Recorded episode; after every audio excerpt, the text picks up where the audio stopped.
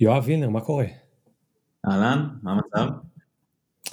טוב, אה, תשמע, אתה כבר היית פה בפודקאסט, בוא נגיד את האמת, אה, אבל בסיבוב מאוד אחר שלך, אה, אני חושב שזה היה מיד שיצאת מרנקי, חברה מטורפת שהקמת ועשתה שיווק ליותר מ-300 סטארט-אפים.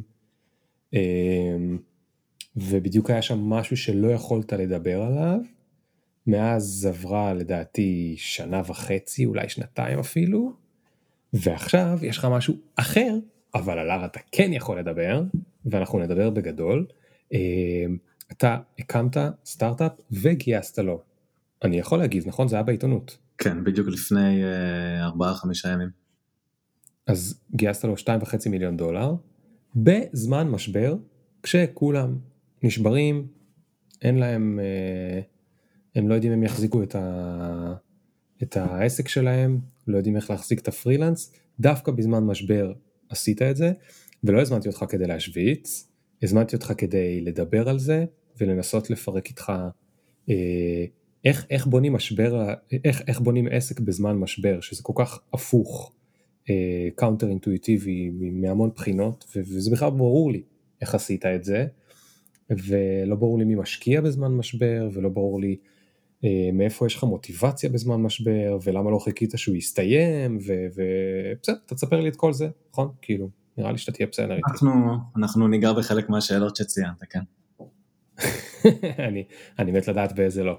טוב, אז ניתן רגע למוזיקה את הכבוד שלה, ונתחיל בעוד שנייה. Yeah.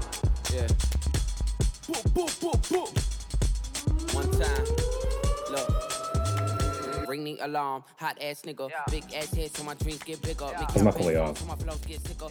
מדהים. תגיד. כן. אני רוצה קודם כל לשאול איפה, איפה הקורונה תפסה אותך כאילו בפברואר, איפה היית אז מבחינת ה... באיזה פרויקט אתה נמצא, איפה אתה לא נמצא, אתה כבר כן בתוך פרויקט, לא בתוך פרויקט. כשזה התחיל בסוף פברואר? כן. כן, אז בסוף פברואר האמת שזה זה חפף לזה שאני הייתי, אני הייתי ערך founding member בסטארט-אפ שהוא uh, אמור uh, להגן על ילדים מפדופילים ובריונים. Um, וזה היה כמה חודשים אחרי שגייסנו את, ה, את הכסף, היה שם seed uh, מאוד גדול. ו, אבל אני הייתי שם קצת יותר משנה והרגשתי שמשהו משהו בנקודה שלי בסטארט-אפ כבר uh, כבר אני יכול להתחיל לחשוב על דברים משלי שוב, כי שם הרעיון שהוא מדהים להציל ילדים הוא לא היה שלי, והתשתית של כל הסטארט-אפ הזה הוקמה לפני שאני הגעתי, ופשוט התחלתי להרגיש שאני בוער בי משהו אחר, בוער בי לעשות משהו משלי, וששם הם יכולים להסתדר מדהים ולהציל ילדים בלעדיי.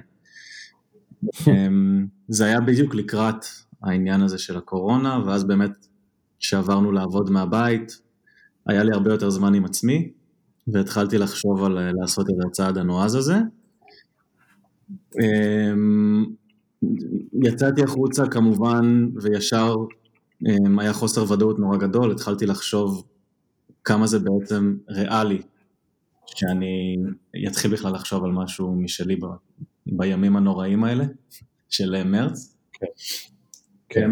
התחלתי לדבר עם אנשים, אפילו חטאתי ולחשוב אולי אני אלך ואהיה CMO בסטארט-אפ קיים, אה, ויחכה חצי שנה ש, שהדברים יירגעו בשביל להקים משהו, אבל ככל שדיברתי עם סטארט-אפים שרצו אה, לצרף אותי, אני הבנתי שזה לא הכיוון אה, בשבילי, ושזה יכניס אותי לאותו מעגל של להיכנס למשהו שהוא לא שלי, שזה לא הוכיח את עצמו עד היום כל כך טוב. Mm. ואז אני התחלתי לעשות uh, טלפונים עם אנשים שאיפשהו פעם בעבר um, היו סוג של צלע משלימה בשבילי, טכנולוגיים, product ודברים כאלה. Uh, יכול להיות שלפני שנתיים חשבנו לעשות סטארט-אפ, רציתי לבדוק מי פנוי, מה שנקרא מי פנוי באלנבי. כן. ו- וראיתי שיש פה אתגר כאילו יותר גדול, כי בתקופה רגילה ומשגשגת אתה יכול תאורטית להוציא כל בן אדם מהעבודה היציבה שלו ולגרום לו לעשות איתך חברה עם, ה- עם ההצעה הנכונה, והתחילה להיות תקופה שאנשים נאחזים במה שיש להם, והם חוששים בצדק לעשות שינויים, במיוחד שלהתחיל סטארט-אפ זה להתחיל בלי משכורת.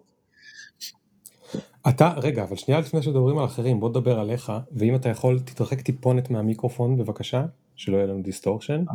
אמ, כש, כשמדברים ספציפית עליך, לך היו חששות אה, אה, כלכלי, מה יקרה עם המשבר, לגבי העולם, חששות בריאותיים, זאת אומרת, זה לא השפיע עליך בשום צורה נפשית, חרדתית או משהו כזה, כל הטלטול הזה? אה, לא, האמת שלא. אני... למה לא לדעתך? כי אני, אני מנסה, אני, אני חושב שאני אופטימי, ב, גם ברגעים כאלה. אני תמיד, אני מאלה שאמרו בהתחלה, טוב, לא באמת יהיה, כאילו שהתחילו ללכת עם אנשים עם מסכות, אמרתי, טוב, מה, הם השתגעו? כאילו, איזה מגזימים. ואז כשהתחילה כן. הרמזים שהולך להיות סגר, אמרתי, טוב, זה לא באמת יקרה. עכשיו, האופטימיות הוכיחה את עצמה wrong לאורך כל הדרך, אבל אה, השתדלתי לא לראות שחורות ו- ולהגיד בואו נעצור את החיים ונחכה כמה חודשים. אני לא מסוגל לעצור את החיים. אמ, גם כשיש לך את הזמן הזה לבד, אז אתה מרגיש, מרגיש כל יום שעובר בסגר מאוד מאוד אה, חזק. אמ, ואתה חושב הרבה, ולא היה אופציה בשבילי כזאת שנקראת לחכות, לשבת ולחכות, זה לא היה בשבילי. כן. אתה חושב שהעבר שלך בחברות שהן אה, אה, צעירות, או בתור זה שהיית מוביל בחברות, או המנכ"ל של חברות, או, או הוא עזר לך להת, להתמודד עם, ה, עם החוסר ודאות הזו, עם החוסר יציבות הזאת, או, ש, או שזה משהו שגם היה לך עוד לפני שהתחלת בכלל להוביל בחברות? כלומר, האם זה משהו שבאת איתו מהילדות? אה, לגמרי לא מהילדות, זה לגמרי, כאילו, אני נכנסתי לתחום בגיל 22 נורא, נורא כלום, הייתי ממש אה, חסר ביטחון לגבי הכל, ובצדק, כי לא הכרתי אף אחד, ולא ידעתי איך דברים עובדים. אה, למזלי, הלך, הלך לנו נורא טוב עם רנקי, כבר מאותה, מאותה נקודה, ואז הכרתי ובניתי לעצמי את הסביבה ואת הקשרים ואת ה... מה שצריך כדי לצלוח כאלה דברים. אמ, אני, לרוב אני בן אדם ש, שיותר יוזם לעזור לאחרים, אה, אם אתה רואה בפייסבוק את המשרות שנעלמות וכל הקטעים כן. האלה של האינטרודקשנס בין אנשים. אמ, פשוט כי לא היה, לא היה מי שיעזור לי בזה כשאני נכנסתי. כאילו עשיתי cold outreach לאנשים בלינקדאין ושלחתי מיילים, למזלי אנשים ענו. באותה מידה אם לא היו עונים, אני הייתי עובד היום כנראה במשהו אחר. Hmm. אז אני... אז אתה מנסה, אתה מנסה להחזיר על זה. ואוקיי, אז אני מחזיר אותך לאותה נקודה שהיית לפני השאלה, ואתה אומר, אה, חשבתי שאני אדבר עם כל מיני אנשים ואצליח לגייס אותם לרעיון חדש מדליק, אבל הם היו קצת יותר, קצת פחות אה, עם ביטחון בגלל התקופה, ואולי היה נראה שיהיה יותר קשה לשכנע אותם לבוא. אה, והאמנת להם שהם זה, או שחשבת שהם סתם פחדנים? אה, לא, אני לא שופט, אני לא חושב שאף אחד, אה, אני לא חושב שאף אחד פחדן, אני חושב שאנשים, בעיקר כאלה עם משפחות, היו צריכים להסתכל למציאות בעיניים ולעשות החלטות. אה, אני פשוט התקדמתי לאיזושהי שיטה שהייתה במקום לשלוח וואטסאפ נקודתי פה ושם לאנשים שפתאום אני נזכר שהכרתי פעם ואולי ירצו לעשות איתי איזשהו סטארט-אפ, עשיתי לי איזו טבלה כזאת, ובטבלה הזאת הלכתי אחורה בכל המיילים שלי, בכל הוואטסאפים, בכל הפייסבוק, כל אפליקציה אפשרית, וממש עשיתי רשימה של אנשים אה, שלדעתי יהיו אקטואליים, או שהיו פעם אקטואליים ואני לא יודע מה הסטטוס שלהם היום. אמ, והתחלתי לסמן לי בצבעים ממש רמזור, כמו שרוני גמזו גנב לי את השיטה. התחלתי לסמן בצבעים כמה, כמה אני חושב שבן אדם באמת יהיה עכשיו אקטואלי ו, והאם זה יהיה בנושא שמעניין אותי. כאילו זכרתי, היה פעם איזה CTO פוטנציאלי שרצינו לעשות סטארט-אפ בתחום ה... אה, לא משנה מה, בתחום X. אה, עכשיו יותר אני חם על תחום Y וסימנתי לי ככה מה בדיוק הסיכוי להערכתי שהשיחות האלה יובילו למשהו.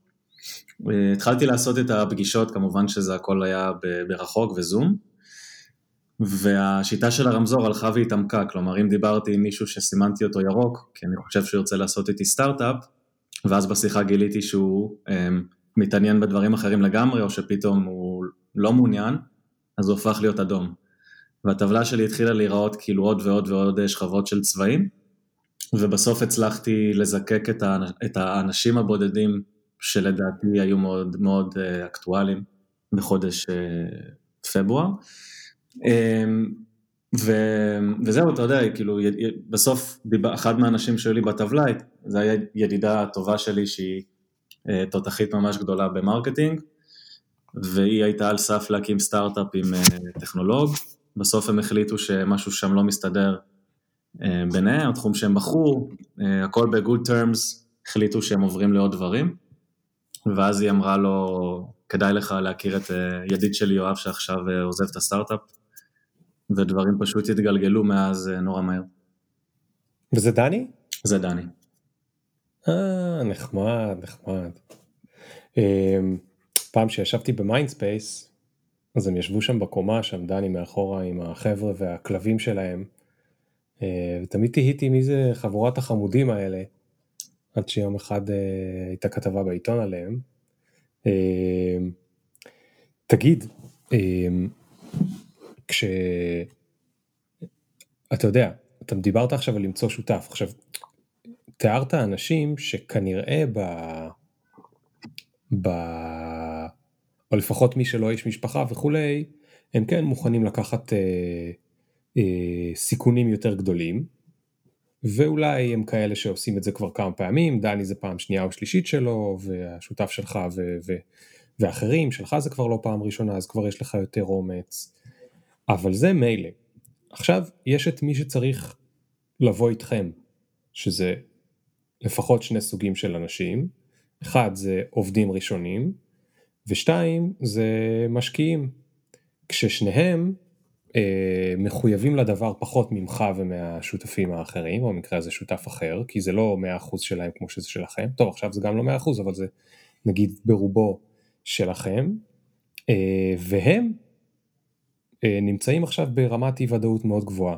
עובדים, כמו שאתה ציינת, זה אנשים שעובדים עכשיו באיזשהו מקום מסודר, והם לפחות בראש שלהם, תהיה להם משכורת קדימה שנה, שנתיים, שלוש, ארבע, ואתה מציע להם להצטרף לסטארט-אפ שזה תמיד משהו שכאילו עד סוף השנה יכול להיות שסוגרים אותו ומשקיעים צריכים להחליט להשקיע דווקא בשוק שהוא כל כך לא ברור, הוא כל כך לא אה, אה, יציב. ואני זוכר שב... אני מצטער שאני מערב שתי שאלות אבל תענה לי עליהן בנפרד. בקשר למשקיעים אני זוכר שרק התחיל המשבר במרץ או באפריל אז NFX, שזה הקרן שגיגי לוי הוא אחד השותפים, הם הוציאו דוח איך משקיעים מרגישים כלפי השקעות בקורונה. והוא הראה שגם המשקיעים וגם המנכ"לים של החברות שכבר יש להם השקעות, זאת אומרת כבר הולך להם סטארט-אפים בשלבים יותר מתקדמים, כולם מרגישים פחות בטוחים לבקש כסף ולקבל כסף ולתת כסף כולם חושבים שב-2020 וב-2021 כמות ההשקעות תרד משמעותית. לא רק זה, הערך המשוער של החברות, מה שאנחנו קוראים ולואציה בשפה הסטארט-אפית, יהיה יותר נמוך, כלומר אותה חברה שעושה את אותו דבר והעריכו אותה שנה שעברה ככה, השנה יכול להיות שיעריכו אותה שליש פחות רק בגלל מצב השוק והאווירה. אמ, ואיך בתוך האטמוספירה הזאת אתה בא, יואב החמוד, נדיב, חכם, אבל גם קצת שחצן, ואומר כאילו, מה נסגר איתכם חבר'ה, אני אגייס כסף בכל זאת. איך, איך, איך כאילו, איך, מאיפה היה לך את האומץ? וואו, זה היה חמש דקות worth of questions. לא, אז נתחיל מהמשקיעים ואחרי זה נעבור לעובדים. כן. אה, תשמע, דיברנו כאילו למזלי באמת אה, נפלנו והצלחנו להיות מחוברים עם משקיעים שלא נתנו למשבר הזה לפגוע בהם, אבל אני יכול להגיד לך ש-95% באותו חודש היו ממש לא business as usual, הם לגמרי קרנות לקחו שיחות כרגיל ואמרו ליזמים בטח בטח, בנו זה לא פוגע, בואו נדבר, אבל אחרי זה הם סגרו את הדלת ובינם לבין עצמם החליטו שהם נותנים שלושה ארבעה חודשים לעניינים להירגע. ואז היזמים פשוט נשארו עם התקוות. היו קרנות שה-LPs, שהמשקיעים, כלומר שמשקיעים בקרנות, לא שחררו את הכסף. ואני חושב שאתה צריך להיות ממש top 1% קרן בשביל להמשיך להשקיע seed כרגיל, במיוחד ש seed זה כל כך, זה כל כך חסר ודאות, זה כאילו מתבסס על הצוות ועל, ה, ועל החלום שלו. וזה... כן, סיד זה השקעה ראשונית למי שלא מכיר, כי עוד פעם זה לא פודקאסט של סטארט-אפיסטים, אז סיד זה ההשקעה הראשונה שסטארט-אפ מקבל, והוא באמת על בסיס בדרך כלל רעיון ואולי פיילוט קטן. בדיוק. אז אני חושב שמה שקרה אה, בתחילת המשבר זה שהרף להשקעות הראשוניות האלה עלה בטירוף, כאילו זה כבר לא המצגת והפרצוף, זה ה-MVP, זה הלקוחות, זה רשימת המתנה של לקוחות, זה מישהו שחתם על חוזה שהוא היה משלם. אני כן ראיתי מסביבי חברים שהם גייסו סיד וגם משקיעים מדהימים, אבל זה באמת היה אחוז מאוד מאוד אה, עליון של היזמים, באמת אנשים של פעם שנייה ושלישית. Mm. אמ, אנחנו פשוט ניגשנו לזה הכי, הכי ישיר ותכלסי שיש. אמ, עשינו תוכנית, ניגשנו למשקיעים שלדעתנו היו הכי טובים בסביבה, ולמזלנו זה גם מי שבסוף השקיע בנו. איכשהו ב-NFX, הקרן שאמרת, גיגי הצליח לבנות קרן עם באמת האנשים הכי, הכי טובים בסן פרנסיסקו, והם, והם עשו שם אה, באמת קרן ממוצבת בצורה מדהימה, אנחנו גם ראינו שאחרי אחרי, אחרי שהם הובילו את הסיבוב, כל המשקיעים הפרטיים, אה, כל השמות המפציצים האלה שהיו בכתבות, אה, בעצם, בעצם באו בעיקר בגלל שהם שם. כלומר, זה, זה משקיעים שהכרנו בכל מיני דרכים, אבל זה לאו דווקא היו באים אם לא היה את, אה, את NFX כמובילים.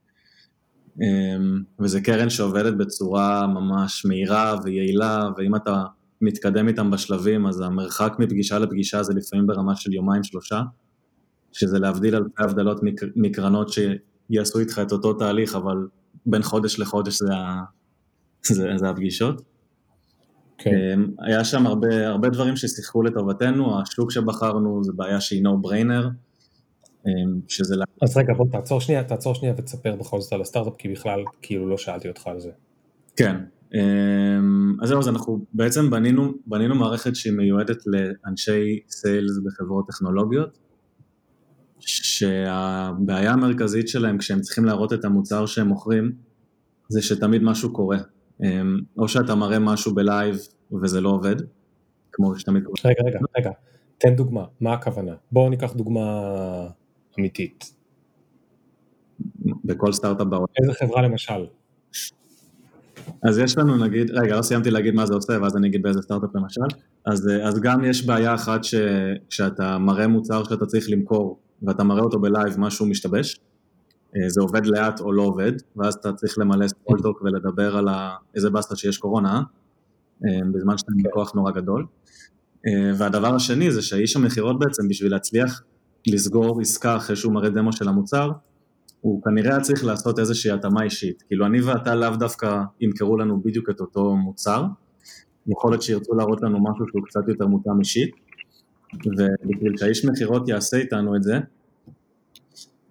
הוא יצטרך לבקש מהצוות של העיצוב גרפי שיעשו איזשהו design אה, שאני או אתה בנפרד כל אחד יאהב יותר, או שהוא יצטרך לבקש מהצוות product שיוסיפו איזה פיצ'ר שהוא יוכל להראות ב live, וזה never ending, כאילו יש לאנשי sales את התפקיד שהכי מכריע את גורל החברה בוודאות, אבל מצד שני אף אחד לא נותן להם את, ה, את הכלים להתנהל לבד ולהצליח לעשות את כל, ה, את כל הדבר הזה שנקרא סיילס דמו כמו שצריך.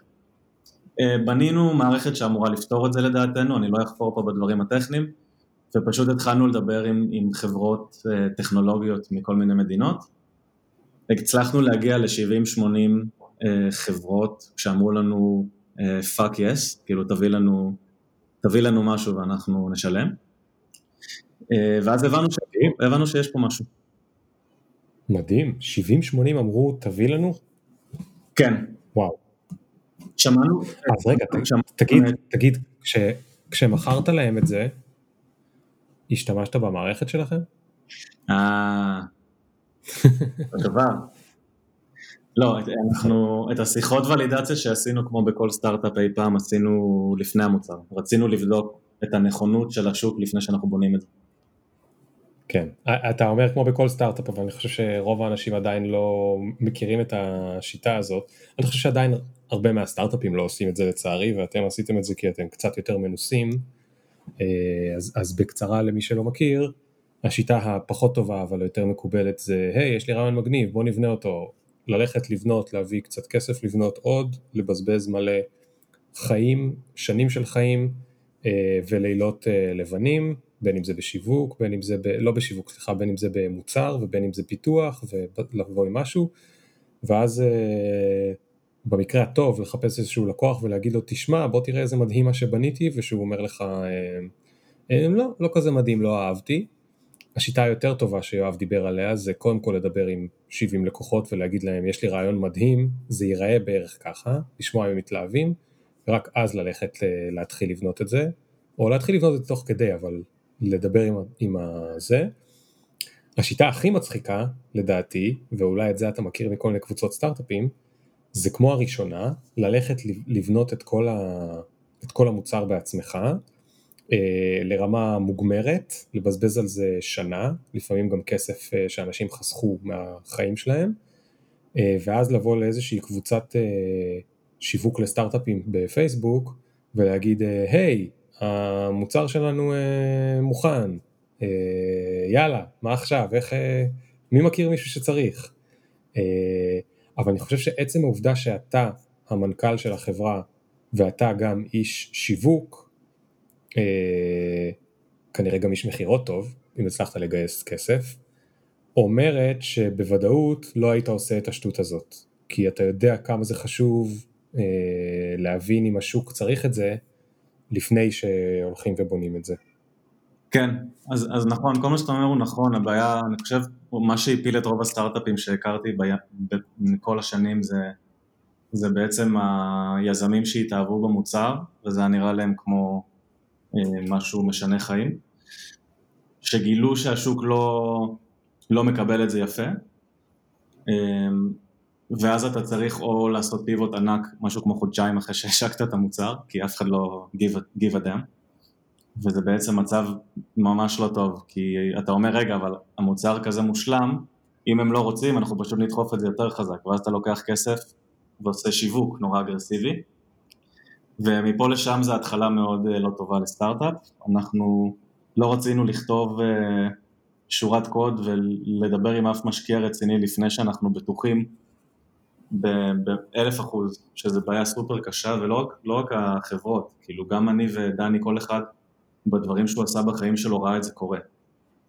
כאילו אני הייתי מעורב בסטארט-אפ שהמוצר שלו עבד מדהים, ובאמת, אלגוריתם מאוד מאוד משוכלל.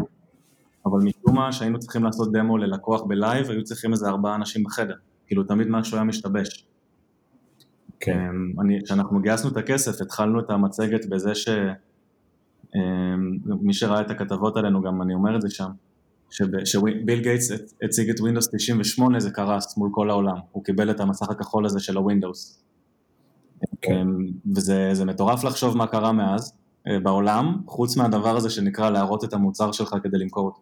וזה מה שאנחנו מנסים לשנות. זאת אומרת שעדיין הדמוים קורסים במוצרים.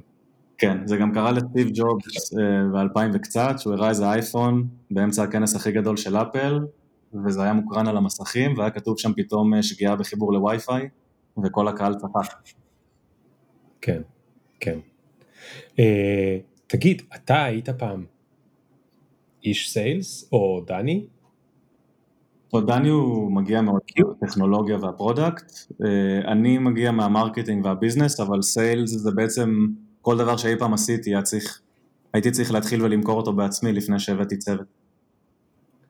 אתה חייב אבל, אתה חייב להסביר לי איך, איך הבעיה הזאת קפצה לכם. אתם שני יזמים מוכשרים שמנסים לעשות זאת שוב ושוב, ויזמים מוכשרים כל היום בעיות רצות להם בראש. אבל איך הבעיה מהעולם הזה של סיילס, לא תגיד אה, הייתי VP סיילס 7 שנים, הייתי איש סיילס 12 שנה ושנאתי שזה קרה לי. איך דווקא הבעיה הזאת קפצה לכם? אני לא אומר את זה בביקורת, אלא אני דווקא רוצה שתיקח אותי קצת בדמיון לדבר הזה שאנשים מתקשים לפעמים לדמיין בעצמם, איך בן אדם מגיע לרעיון, או לרעיון טוב. איך, איך זה קרה לך? איך הגעתם לפינה הזאת? כן, אמ, תשמע, זו שאלה מאוד יפה. אה, רוב, ה, רוב הסטארט-אפים הגדולים בהיסטוריה, היזם שלהם לא התעסק במה שהוא עושה לפני. אמ, מעניין. כן, היזמים של Slack לא בנו לפני כן כלי לתקשורת וגם אה, צוקרברג לא הקים רשת חברתית לפני פייסבוק. אני חושב כן. שלפעמים אתה פשוט מגלה, מגלה איזה בעיה מאוד מאוד קשה שאתה, שאתה חושב שאם תפתור אותה זאת תהיה חברה גדולה, וזה לאו דווקא זה תמיד קשור למה שעשית. אמ, אם אתה הולך לעולמות שלי, אני לא יודע אם היה מעניין אותי היום לעשות סטארט-אפ שהוא בתחום ה marketing automation, שכבר באמת יש כל כך הרבה דברים שכבר אין הרבה added value לתת שם. יש הרבה יוניקורנים שעושים את זה יופי. אמ, והחברות שמנסות לפרוץ בכל מיני ערוצי שיווק ולעשות אותם קצת יותר טובים, לרוב הם לא, לרוב הם במקרה הטוב נרכשות על ידי איזו חברה גדולה בלא הרבה כסף. אבל פה, פה היה משהו ש... היה משהו שפשוט, הוא, הוא פשוט קל, הוא קל להבין, הוא קל להסביר, אני לפעמים לא מסיים את המשפט שלי וה, והחברה שמולי, הלקוח, אומר תביא. אמ, אבל איך, איך זה עלה לך? איך כאילו דווקא זה עלה לך? אתה, אתה איש חברותי, יש לך אחלה נטוורק, אתה בפייסבוק עוזר לאנשים בשיא המשבר למצוא עבודה, זה הפוסטים שהזכרת קודם, אני ממליץ לכולם לעקוב אחריך. אמ, איך, כאילו, בטח הראש שלך חשב, מהרגע שהחלטת או עזבת או החלטת שאתה עוזב מתישהו את הפרויקט הקודם, או תוך כדי גם הפרויקט הקודם, המוח שלך הריץ איזה מיליון רעיונות. איך הגעת לזה? אז קודם כל לדני היה חלק מאוד מאוד גדול בזה, בגלל, כן. דבר, בגלל שיחות שהוא עשה עם חברות אה, במשך כמה חודשים עד שאנחנו התחלנו לעבוד רשמית.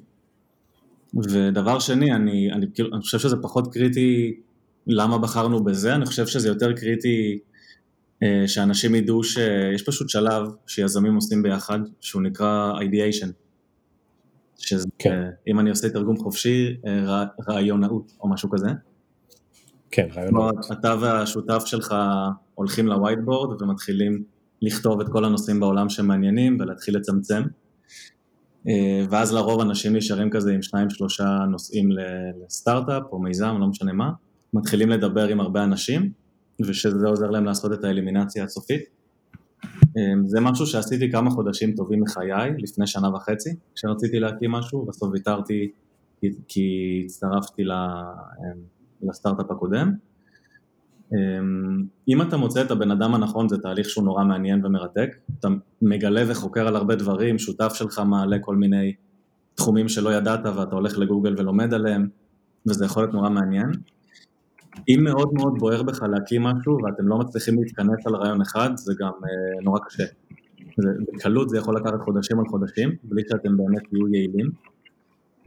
אמ, אני, אז כאילו אין לי, אין לי הרבה טיפים לתת בנושא הזה, חוץ מזה שזה השלב שבו אתה בודק את הסינרגיה עם הבן אדם שמולך. אם אתם mm. צריכים להתכנס ולהחליט ולהתביית על רעיון, אה, כנראה שיש לכם איזשהו אותו שידור על אותו גל ותחומי עניין משותפים. אם אתם כבר חודשיים, שלושה, ארבעה לא מצליחים להיסגר ואתם רצים על איזה כמה רעיונות במקביל, כמו שהרבה אנשים עושים, אז משהו שם לא טוב וחבל על הזמן. אה, יש כאלה שמקצינים אפילו, והם יעשו נגיד שלוש אה, מצגות שונות על שלושה רעיונות שונים, יפזרו אותם בין כל מיני אנשים ומשקיעים לראות מה תופס, ואז לפי מה שתופס הם ידעו אה, להמשיך. רגע, אתה רציני? כאילו, הם אשכרה ישלחו למשקיעים שלושה רעיונות שונים, כאילו ש... לא, לא, כאילו לעשות A-B טסטינג. בדיוק, לא לאותם משקיעים. תבחר, בוא נסמן 15 אה, קרנות, נשלח להם 555, אה, כל אחד רעיון אחר, ונראה מה, מה משקיעים עכשיו רוצים לראות. אמ, ומי שלא עקב, טוב? מה שלא נכון לעשות. כן. לפני שאתה מסביר לי למה זה לא טוב, אני יכול להגיד לך למה זה לא נשמע לי מהצד רעיון טוב. זה פשוט מוריד לי את האמון ביזם, או בקבוצת היזמים, שזה באמת בעיה שהם רוצים לפתור, כאילו, ושהם באמת התעמקו בה. אה, זה כאילו שם קצת על הצד שלי את, ה, את המשקולת. כן, לא, אין שום דבר טוב בשיטה הזאת. באופן כללי, מי שזוכה להכיר שותף או שותפה שמשלימים אותה מקצועית וגם חשבו על רעיון, זכו בכל הקופה, כי אתם פשוט מתחילים לעבוד, אבל, אה, אבל תשמע, זה מאוד קשה. רצוי, אני חושב שבשביל לסכם את העניין הזה, אה, רצוי להתחיל לעשות את התהליך הזה עם אנשים שמגיעים אליכם דרך חברים, ולא ללכת לאיזה קבוצה בלינקדאין, לראות שמישהו אומר אני מחפש שותפים לסטארט-אפים וזהו, להתחתן. הסיכוי, הסבירות שם, כאילו עם כל הסטטיסטיקות של סטארט-אפים גם ככה עגומות, שם הסיכוי שתסתדרו עם בן אדם זר הוא אפילו פחות טוב. תשאלו את כל החברים שלכם, כמו שאני עשיתי טבלה, את כל החברים של החברים והשכנים והדודות ומי שזה לא יהיה, ותחפשו שותפים שהם באמת מישהו יכול to vouch for them ולהגיד בן אדם מדהים, בת אדם מדהימה, מקצועי, מקצועית, ו... ומשם להתחיל לחשוב על הרעיון ביחד. כן. אגב, הטבלה הזאת שדיברת עליה, זה הסטארט-אפ שאני מחפש לשלם לו, כי אני כבר שנים טוען שאין לי שום CRM נורמלי ל... אה, סליחה, CRM זה תוכנה לניהול אה, לקוחות או לניהול אה, קשרים. אין תוכנה טובה לניהול קשרים שיש לי, לא מפליא אותי שאתה מספר לי בסוף שעשית את זה באקסל. אם אני הייתי רוצה היום להבין עם מי דיברתי, מתי, על מה, אין לי שום דרך, אני צריך אשכרה לפשפש בתוך האימייל שלי, וזה די סיוט, כאילו, אז אם מישהו רוצה לעשות עם זה משהו, זה יהיה נחמד. נתקלתי בכמה והם כולם היו גרועים, אבל עכשיו בוא נחזור רגע לסיפור שלך. אוקיי, אז, אז נתקלתם במשקיעים שהם אמיצים, והם גם סחבו אחריהם את אה, שאר המשקיעים, והם גם מהטובים בשוק, אה, NFX למי שלא מכיר, ומי שגם מתעניין אגב בסטארט-אפים ובהשקעות שווה לו לקרוא את הבלוג שלהם, הבלוג שלהם מדהים, כן, רגע. פשוט מדהים. אני רוצה להתעכב על זה כי זה חשוב, אוקיי. לפני שאתה ממשיך. NFX יש להם ערוץ אוקיי. ביוטיוב, שמגיעים אליו על ידי אה, חיפוש של NFX. יש שם תכנים של כל השותפים, שזה שוב, גידי ושני השותפים שלו הם, הם פשוט אנשים מדהימים ומנוסים. הם, הם פשוט חולקים שם ידע ברמה שלדעתי, לא רק מי שרוצה לגייס כסף מהם, מי שרוצה לגייס כסף נקודה, צריך לראות שם את כל הסרטונים, זה חינם, מן הסתם זה פתוח לציבור, מי, מה הפסיכולוגיה של המשקיעים, איך להתאים מצגות לכל סוג משקיע, ומה הקרן הכי טובה בעולם אה, התיאורטית אה, תרצה לראות אה, במצגת שלכם, וזה משאב שלי הוא מאוד מאוד עזר, וכל מי שהקהל שלך גם אני יודע שלפעמים זה לאו, כמו שאתה אומר, זה לאו דווקא מהסטארט-אפים, אני חושב שיש הרבה מאוד מה ללמוד שם, אתה יודע, תוכניות כמו הכרישים, זה בידור, זה טוב, זה, זה דרמות ואנשים מזיעים, אבל תכלס, אם, אתה, אם אתם רוצים להבין על כל על הסינרגיה והיחסים שבין היזמים והמשקיעים שמנסים לגייס מהם כסף, אז לגמרי ללכת לערוץ יוטיוב הזה. אגב, ידעת שגיגי פעם השקיע בסטארט-אפ שלי, הסטארט-אפ הראשון שלי, בקושי הכרנו כי אני לא הייתי המנכ"ל, וגיגי עוד לא היה NFX, הוא היה רק גיגי, שכבר היה תותח וחכם ומוצלח ויפה תואר, אה, אבל הדרך שהוא עשה משם והחבר'ה שלו עשו משם היא מדהימה, אני באמת, יוטיוב למי שאוהב וידאוים, בלוג למי שאוהב טקסט, אני חושב שזה נתון להערצה, ואם אני מפרש את זה, אני חושב שזה הדרך שיווק שלהם. הם משווקים את עצמם בדרך שבה הם מלמדים אחרים, וככה הם דואגים שכולם יכירו אותם, וככה גם הטובים מגיעים אליהם ורוצים להיות אצלם, מה שכל קרן רוצה, הרי זה את היזמים הכי טובים. ודי די כאילו מדהים בעיניי שקיבלת מהם השקעה, כל הכבוד. אה, ועכשיו קיבלת את הכסף, לא שזה כזה פשוט, אבל נגיד שזה פשוט. יש כל מיני עניינים כזה עם עורך דין וכאלה, נכון? אני בדרך כלל משתדל לא להתערב בקטעים האלה. קשה לי איתם. אה, קטעים אה, מאוד, כן, זה בירוקרטיה. מרחם עליך. הרבה בירוקרטיה, כן. אבל תגיד, עכשיו אתה צריך להביא עובדים. מצד אחד, אנשים מחפשים עבודה, מצד שני זה סטארט-אפ כאילו צעיר, זה מאוד מאוד מסוכן. מה, איך, איך, איך אתה מביא אנשים? וואו, זאת שאלה מדהימה, אני חושב שגם פה אנחנו זכינו. אמ, סטטיסטית, אה, כל מה שקרה לי מאז שעזבתי את הסטארט-אפ הקודם הוא לא, לא הגיוני. אמ, לגבי הגיוס של עובדים, אז תראה, אני חושב שזאת התקופה הכי מרתקת אי פעם לגייס עובדים. משהו בצומת הזאת של בין מצד אחד אנשים פוחדים לעזוב את המקום הבטוח, מצד שני 60-70 אלף איש בהייטק פוטרו, וזה אומר שטאלנטים מדהימים ומוכשרים בלי סוף כרגע דווקא כן מחפשים. אמ, היה פה, אנשים ממש נמצאים במאבק כוחות, כאילו הם רוצים לקחת את ההרפתקה הזאת לפני שאתה מגייס כסף. הרי כולם, בוא נגיד לאנשים פה שהם פחות מהתחום, ככל שאתה מצטרף לסטארט-אפ יותר מוקדם, אתה לוקח ריזיקה גדולה והשכר יותר נמוך, אבל מבחינת אופציות ומניות בחברה, זה בעצם ההימור שלך, כלומר אתה מקבל יותר. כן. ואנחנו התחלנו את הסטארט-אפ בתקופה שכולם נאחזו במשכורות ולא התפנו במוח לחשוב על רגע, אבל אופציות יכול להיות עוד חמש-שש שנים שווה הרבה, אה, כי מסתכלים על איך אני עכשיו מקבל את השכר דירה בתקופה הזאת. אמ, ההייר הראשון שלנו בעצם היה אה, אדיר, שהוא עכשיו ה-VP Sales שלנו.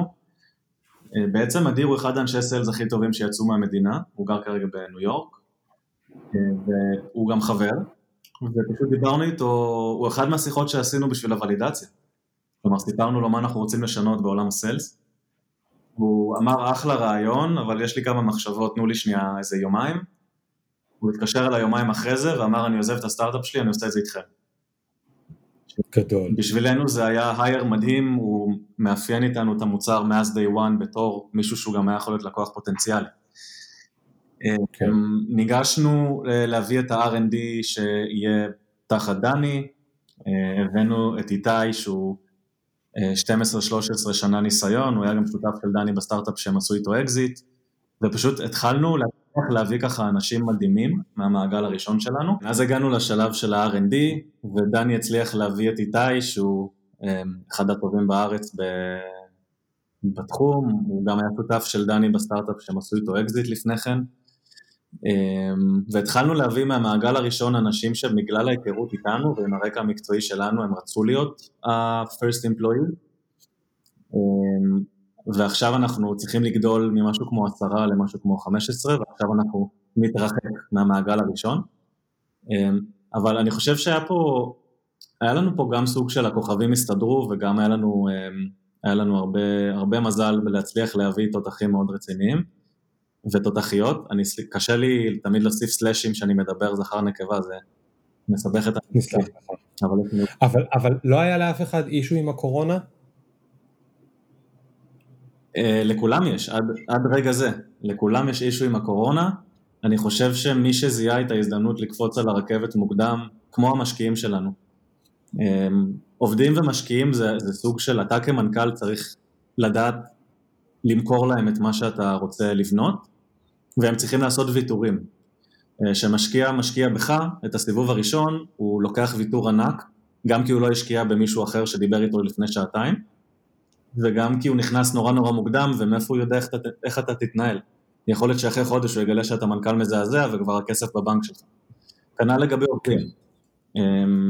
אמ, זכינו פשוט שיהיו אנשים ממש טובים שיקחו את הריזיקה הזאת ויסמכו עלינו שאנחנו נצליח לגייס כסף, שאנחנו נרים חברה, ואני יכול להגיד שזה הוכיח את עצמו, בינתיים אנחנו עשינו השקה שהיא לא הייתה הם, יקרה ולא הייתה הם, רבת עם הרבה מערכות שפעלו במקביל, קיבלנו משהו כמו 70-80 קורות חיים הם, לתפקידים אצלנו, קיבלנו משהו כמו 600 לקוחות שפנו, ואנחנו מאוד, מאוד שמחים מהקצב בינתיים. ויש אצלכם הורים בצוות? הורים לילדים, כן, בטח. כן. ו- ומה אתה עושה איתם עכשיו בקורונה? כאילו, כל הסיפור הזה של ה... מה אתה עושה עם ההורים? בכלל, כאילו, אתם, אתם לא יכולים להיפגש. איזו הזיה זו. בהתחלה של חברה זה כל כך חשוב, כאילו, לתרבות. איך, איך, אתה, איך אתה פותר את זה? זה משהו שאנחנו מנסים לפצח כרגע. מצד אחד יש לנו בעצם משרד ב-WeWork בתל אביב, אמ, ומי שרוצה מגיע, אני פה כל יום, דני פה כל יום, אמ, איתי פה כל יום. מי שרוצה מגיע, יש לנו מתכנתת אחת שהיא גם בפול טיים, אבל היא עובדת מאיזה מושב, היא לא מגיעה. יש לנו את אדיר ה-VP Sales שהוא גר בניו יורק, אז הוא פחות מגיע כל יום. ניר הדיזיינר שלנו ש, שגר בברלין כרגע. אמ, אני, תראה, זו שאלה, אתה גם תתחבר לזה, כי אתה גם דור קודם כזה כמוני, היה משהו נורא נורא כיף בזה שיש לך את המשרד, כמו שלכם יש עכשיו בג'ולט, או היה, אה, שיש משרד והוא מפוצץ בעובדים ויש אווירה ויש ארוחות צהריים ויש צחוקים, אני חושב שזה קריטי יותר מכל שורת אה, קוד שתכתוב בין עכשיו לעוד חצי שעה, כן או לא, זה, זה פשוט תרבות שהיא מצטברת והיא בונה, והיא גורמת לעובדים להמליץ אה, לחברים שלהם לבוא לעבוד, וזה פשוט אתגר מטורף עכשיו לבנות סטארט-אפ כשאתה חייב להתנהל בכזה אי ודאות של מי יגיע למשרד, אה, האם העובד הבא שלך הולך להיות מכאן או מלונדון או מניו יורק, ואם כן אז איך אתה משאיר אותו engaged, זה, זה נורא נורא קשה, אני כאילו, אני רואה שהרבה חברות בעולם עכשיו אומרות, מייקרוסופט וטוויטר וכל אלה, הן אומרות בהגזמה, אנחנו נאפשר עבודה מרחוק for life, אבל זה כאילו מדכא אותי, אני רוצה שיחזרו למשרדים, זה מה שהייתי רוצה שיקרה. בייחוד אנחנו הישראלים, אנחנו אוהבים חבר'ה, כאילו, אנחנו יודעים גם להיות פרודקטיביים וגם להיות עם חבר'ה, כאילו, אנחנו, אנחנו מתים על זה, ואנחנו אוהבים לחגוג, ואנחנו משוחררים, ולא כאילו פוצים, וזה ממש קשה, וגם אני יכול להגיד שדברים שהושגו במשרד, הם נפגעים עכשיו שאין משרד אה, תקופה ארוכה, כאילו, זה חסר התרבות הזאת. לגמרי. אה, זה נורא מדכא עכשיו, אה, נורא מדכא עכשיו, אגב סליחה על הרעש, החליפו פה שקית בפח מאחוריי בווי וורק, אז אני מלא בחברה מסביבי, כמו שאתם מבינים. אני נשמע חשוב שזה יהיה נקי ומסודר. כן, אני לא זוכר על מה דיברנו. על התרבות של הסטארט-אפ. תרבות, כן. אז אני חושב, תראה, יש משהו נורא מדכא ב... שיש יום הולדת לעובדת ולא כולם במשרד ואתה רושם ב Slack מזל טוב, זה, זה fucking כאילו דיכאון. נכון. זה, אי אפשר לרדת שנייה לסופר להביא עוגה ולחגוג כמו בני אדם. מצד שני זה חלק מהעניין, אתה יודע, זה least of the problems, כאילו אתה צריך להגיד תודה שאתה לא כרגע חולה במצב בינוני בקורונה ושאתה, יש לך עבודה בכלל, אז יש פה גם עניין של פרופורציות. ברור, ברור, אבל אנחנו לא פה בשיחה על פרופורציות, אנחנו בשיחה על, אה, אתה יודע, בבעיות קטנות. אה, מי שמקשיב לפודקאסט יש לו גם אוזניות, אז הוא במצב עוד יותר טוב. אה, אוקיי, אבל, אבל אתה אומר, זה משהו שאתה מנסה לפצח, אז קודם כל אם תצליח תספר לי, כן? כאילו, תדווח, וההפך. מה לגבי, אתה יודע, יש עניין של תרבות, אבל יש עניין גם של... אה, בניית צוות חדש. נגיד בצוות יש את הנושא של יחסי אמון בין אחד לשני וביניהם לבין המנהל או הראש צוות. איך את זה אתם עושים? אתה חושב שנגיד יש לכם יותר ישיבות בזום ממה שהיה אם היה משרד כדי לחפות על זה? אה, זה מדאיג אותך בכלל? זה לגמרי מדאיג, זה מצטרף לסל הדאגות של, אה, של כל העניין הזה של העבודה מרחוק. אה, זכינו כרגע, as we speak, כל מי שהגיע עד עכשיו, אנחנו זכינו שיש לו איזה, לא עולה, יש תכונות של ממש ניהול עצמי, ממש, יש את המילה הזאת שאני שונא, אוטודידקטיות, היא מזכירה לי כן. שיעורי, לא יודע מה, ספרות בזה, אבל, אבל אנשים שהם, יש בהם קצת, קצת רוח יזמית משלהם, כאילו הם לוקחים ownership על משהו, והם, אה, והם פשוט מתאבדים עליו בלי שאנחנו, בלי שאני או דני נשאל אותם מהבוקר עד הלילה איך זה מתקדם. זה הולך להיות כן. סופר קשה שאנחנו גדלים, זה לא משהו שהוא סקיילבל מעבר לשמונה תשעה עובדים ראשונים, ושם אנחנו נתחיל לראות את האתגרים האלה באמת קורים. אני באמת תוהה, האם, כאילו אם אני חייב לנחש, אם אתה חייב לנחש, אתה חושב שמייקרוסופט וגוגל וכל החברות שכרגע ברימוט, הם באמת יעברו לרימוט לעולם? אני מאחל, אני מאחל למי שעובד שם ולא רוצה את זה, שהוא יהיה לו אופציה לבחור. אמ, אני מניח שככל שלעובד ועובדת יש יותר ילדים בבית, זה סוג של, כנראה סוג של אה, מותרות, או לפחות אם אתה חצי מהזמן יכול להיות בבית בהגדרה, זה בסדר. אבל רוב שאני מכיר עמוק בפנים לא אוהב את העניין הזה של לעבוד מהבית. כאילו אין לך לאן, אתה לא, אתה קם בבוקר ואתה זז בדיוק מטר, שתי משבצות ומתיישב על המחשב, זה לא נעים. זה צריך את, ה, את הדרך לעבודה, צריך את ההפרדה, צריך את הזה שמגיע סוף היום ואתה מתגעגע הביתה, אני חושב שזה קריטי. אני לא מצליח להבין אנשים עכשיו שעובדים בסטארט-אפ נניח וה, והעובדים שומעים מהבוסים שאפשר לבחור, או שתבואו למשרד או מהבית. אני, אם היו נותנים לי את זכות הבחירה הזאת, לגמרי הייתי בוחר לבוא למשרד. אה, כמובן בהינתן זה שאני אוהב את העבודה שלי, אחרת יש לי צרות יותר קשות קצת. כן. אמ, לגמרי, לגמרי, כן. זה מאוד מאוד קשה, גם כשיצאנו לגייס כסף, הדבר הראשון שחשבתי זה, אני לא פוחד מאיך שאני אספר את הסיפור שלנו, ואני לא פוחד מאיך שאני אציג את הצוות, אני רק פוחד מזה שאין לי איך לייצר אינטראקציה אנושית. כאילו בא מישהו מסן פרנסיסקו, עולה איתי לזום, אני שיחה אחת מתוך איזה שמונה. אמ, אולי סיפרתי בדיחה אחת מוצלחת יותר מאחרים בספתח, אבל שום דבר פה לא מבדיל אותי מאנשים אחרים. כן. וזה משהו שהוא, הנה, עדיין אנשים מצליחים לגייס, זה גם כן, אה, אנשים פשוט מסתגלים למציאות כזאת שהיא מנותקת מכל אינטראקציה אנושית. משוגע. תגיד יואב, אתה גייסת עכשיו כסף, אה, היית אומר שאתה יותר מתרגש, יותר מפוחד, או יותר עייף? שאלה גאונית, גם למי שמקים סטארט-אפ וגם למי שנולד לו ילד. אמ, הייתי לוקח את העניין שלה להתרגש, כי הכל, הכל, הכל מפחיד בהגדרה, כן? כאילו גם שאתה מישהו שמעודדים כולם ואומרים וואו איזה יופי של דבר, עדיין עמוק בפנים אתה מבין את האחריות שיש עליך אה, מצד כולם, מצד העובדים שאתה מפרנס ואין להם עוד מושג מה הולך להיות עוד חצי שנה בחברה, מצד המתקים, כן, מצד, אה, מצד כולם. זה, זה מפחיד, אבל אני הולך על הקטע פה של, ה, של הריגוש, אני חושב שמה שלא עבד ביני לבין להיכנס לדברים שהם כבר קיימים, זה שמישהו פשוט כאילו החליט. הוא החליט על השם, הוא החליט על המוצר, הוא החליט מה הולך להיות, הוא התווה דרך, ואני, משהו בי לא מצליח לקום בבוקר ולקלף את עצמי מהמיטה, אם זה לא האתגר שלי. זה מה שהכי מעניין אותי. כן. אם אנחנו נגדל להיות חברה של מאות עובדים, אני לא חושב שאני אשאר ואהיה המנכ"ל. כי זה יהיה מאוד מאוד שגרתי. אמ, אני לא ארצה להיות מאלה שמגזימים והם קופצים כמובן, אבל אני, אני חושב שה... בוא, נ... בוא נגיד את האמת, ההתחלה של סטארט-אפ יכולה גם בכיף פתאום להפוך לשנתיים ושלוש וארבע, שאתה קורא לזה כאילו היינו בהתחלה. אה, אני כן. חושב שזה השלב הכי הכי מעניין, הכי מאתגר. כל סנטימטר שמישהו מזיז עיפרון על השולחן זה make or break לסטארט-אפ, ובגלל זה אני חושב ש... שזה מרגש יותר מהכל.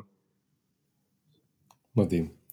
תגיד, אה, בוא תנצל כבר את העובדה שאתה פה על גלי האתר, אני יודע שאתם מחפשים עובדים, אז תספר לי למה כיף לעבוד אצלכם. הנה מעניין אותי איך עושים את הפיץ' הזה בעידן הקורונה.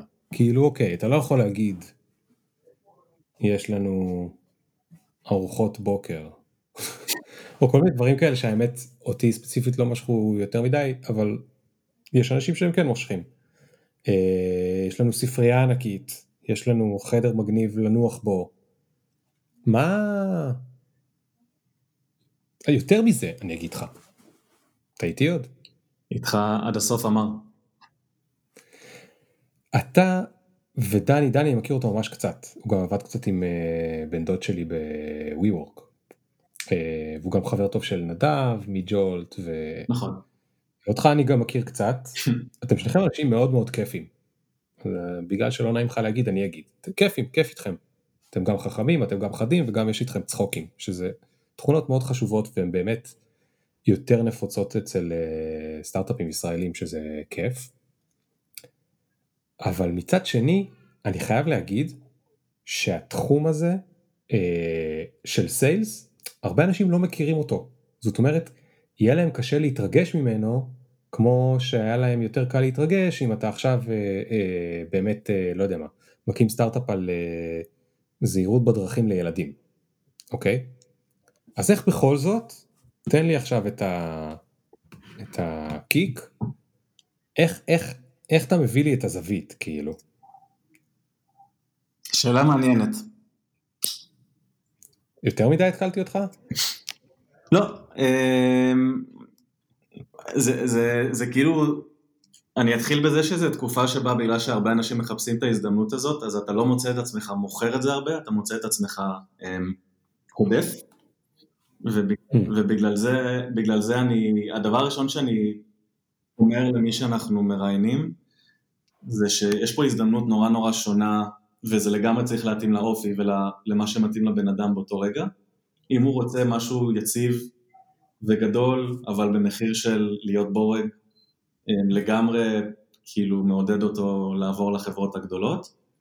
מי שרוצה להיות במקום שהוא קריטי לעתיד של החברה וכל דבר שהוא עושה זה ברמה של life changing, אז אני חושב שזו ההזדמנות, ההזדמנות הנכונה בשבילו. אני תמיד הייתי מהסוג השני, כאילו כמו שאמרתי, דברים שהם ממש בהתחלה תמיד סקרנו אותי הרבה יותר. ואנחנו כן. מדברים עם אנשים שהיית אומר שהם סופר overqualified למה שאנחנו כרגע מראיינים אליו, אבל הם מוכנים להקריב את זה בשביל מה ש... איפה שהם רואים את החברה שלנו הולכת עוד כמה חודשים והם רוצים להקדים את, ה... את האחרים. אמ, אני ודני מנסים להיות מאוד מאוד שקופים, כאילו אם אנחנו מוציאים איזה מייל למשקיעים אז העובדים יודעים, אמ, אם אנחנו עושים, אה, אם אנחנו עושים איזה משהו, אה, לא יודע, איזה קרן כזאת פנתה אלינו, לקוח כזה פנה אלינו, אין שום דבר שאנחנו משאירים את זה רק ברמה שלי ושל דני, כאילו זה לא, זה לא מעניין, אנחנו מספרים את זה לכולם. אמ, מתישהו גם הכל יפסיק להיות כזה אופוריה, אנחנו ניתקל בבעיות, וגם אז אנחנו מתכננים תמיד לשתף את כולם בהכל. אמ, אז אני אומר ששקיפות זה גם משהו שאני מאוד מנחה אותנו. כן. והיום אנשים מאוד אוהבים את זה. כן, ופשוט uh, לעודד הישגים, אתה יודע, מי ש... שוב, זכינו פה באחד אחד ואחת אחת אנשים שמדלברים בצורה מטורפת, ואנחנו מאוד מאוד מנסים uh, שיבינו שאנחנו יודעים, ושיבינו שכל ה... כל, ה... כל ההתחלה ברגל ימין הזאת שהייתה לנו זה נטו הם, אמ, אז אנחנו מתכננים להיות ככה גם עם העובדים העתידיים שלנו. ו- וזהו, תשמע, אני, גם אני, גם אתה, גם כל מי שאנחנו מכירים בין לבין, זה אנשים שגם עבדו במקומות, גם פתחו מקומות, ניהלו מקומות, אנחנו יודעים מה גורם לאנשים אה, אנטיגוניזם, ואנחנו יודעים מה גורם לאנשים להעריך מקומות עבודה, אז uh, לגמרי אנחנו נעבוד מאוד חזק על העניין הזה של החוויה אצלנו. כן, אפילו שזה דרך זום. אוף, יאללה, שיגמר כבר. תשמע, אולי עד שזה ישודר כבר לא יהיה קורונה ולא יהיה צבא. נכון. השנה צחקתי שביום כיפור בגלל שהיה סגר אז אפשר לעשות uh, שיר חדש uh, אנחנו הילדים של חורף uh, 2020 ועד ש, שתגדלו נבטיח לכם שלא תהיה קורונה. נורא. Uh, כן. והבת שלי שבקושי יודעה לדבר יודעת להגיד מסכה, כאילו, די, די הזוי, אבל גם, זה גם מצחיק אותה מסכה, כאילו היא לא חושבת, היי, אנשים מתים מזה, כאילו, היי, הנה משהו מצחיק שאבא שם על הפרצוף, אז לפחות יש לה את התמימות הזאת. כן. תשמע, יואב, אה, מלא תודה על הכנות. אה, שאלתי, אותה, שאלתי פה כמה שאלות שפתאום תפסתי את עצמי ואמרתי אוי אולי הייתי צריך כאילו לא לשאול אבל uh, היית די קול לגבי הכל אז תודה על האותנטיות ועל הכנות. אני מאחל לכם המון המון הצלחה במסע המפרך הזה. אה, אני שמח שאתה יותר מתרגש מעייף, כי אני בטוח שאתה מאוד עייף. מת. אה, מת, כן. להקים חברה בהתחלה, באמת, אפילו רק הבירוקרטיות זה ערימה של אה, ערימה של שטויות ו... וזהו, אנחנו נשים לינקים לוולנאט, הסטארט-אפ המדליק שלך, וגם ליוטיוב של NFX, שמי שמתעניין בסטארט-אפים או בהשקעות, שיהיה לו איפה להסתכל, ויוכל להסתכל על היוטיובים של אה, גיגי וחבריו מהסיליקון וואלי. אמ, ואם תרצה לעוד דברים, אז אה, נשתף אותם גם. אה, וזהו, אני מקווה שבעוד ארבע שנים, כלומר שנתיים בספירה שלי, אני רעיון חשוב.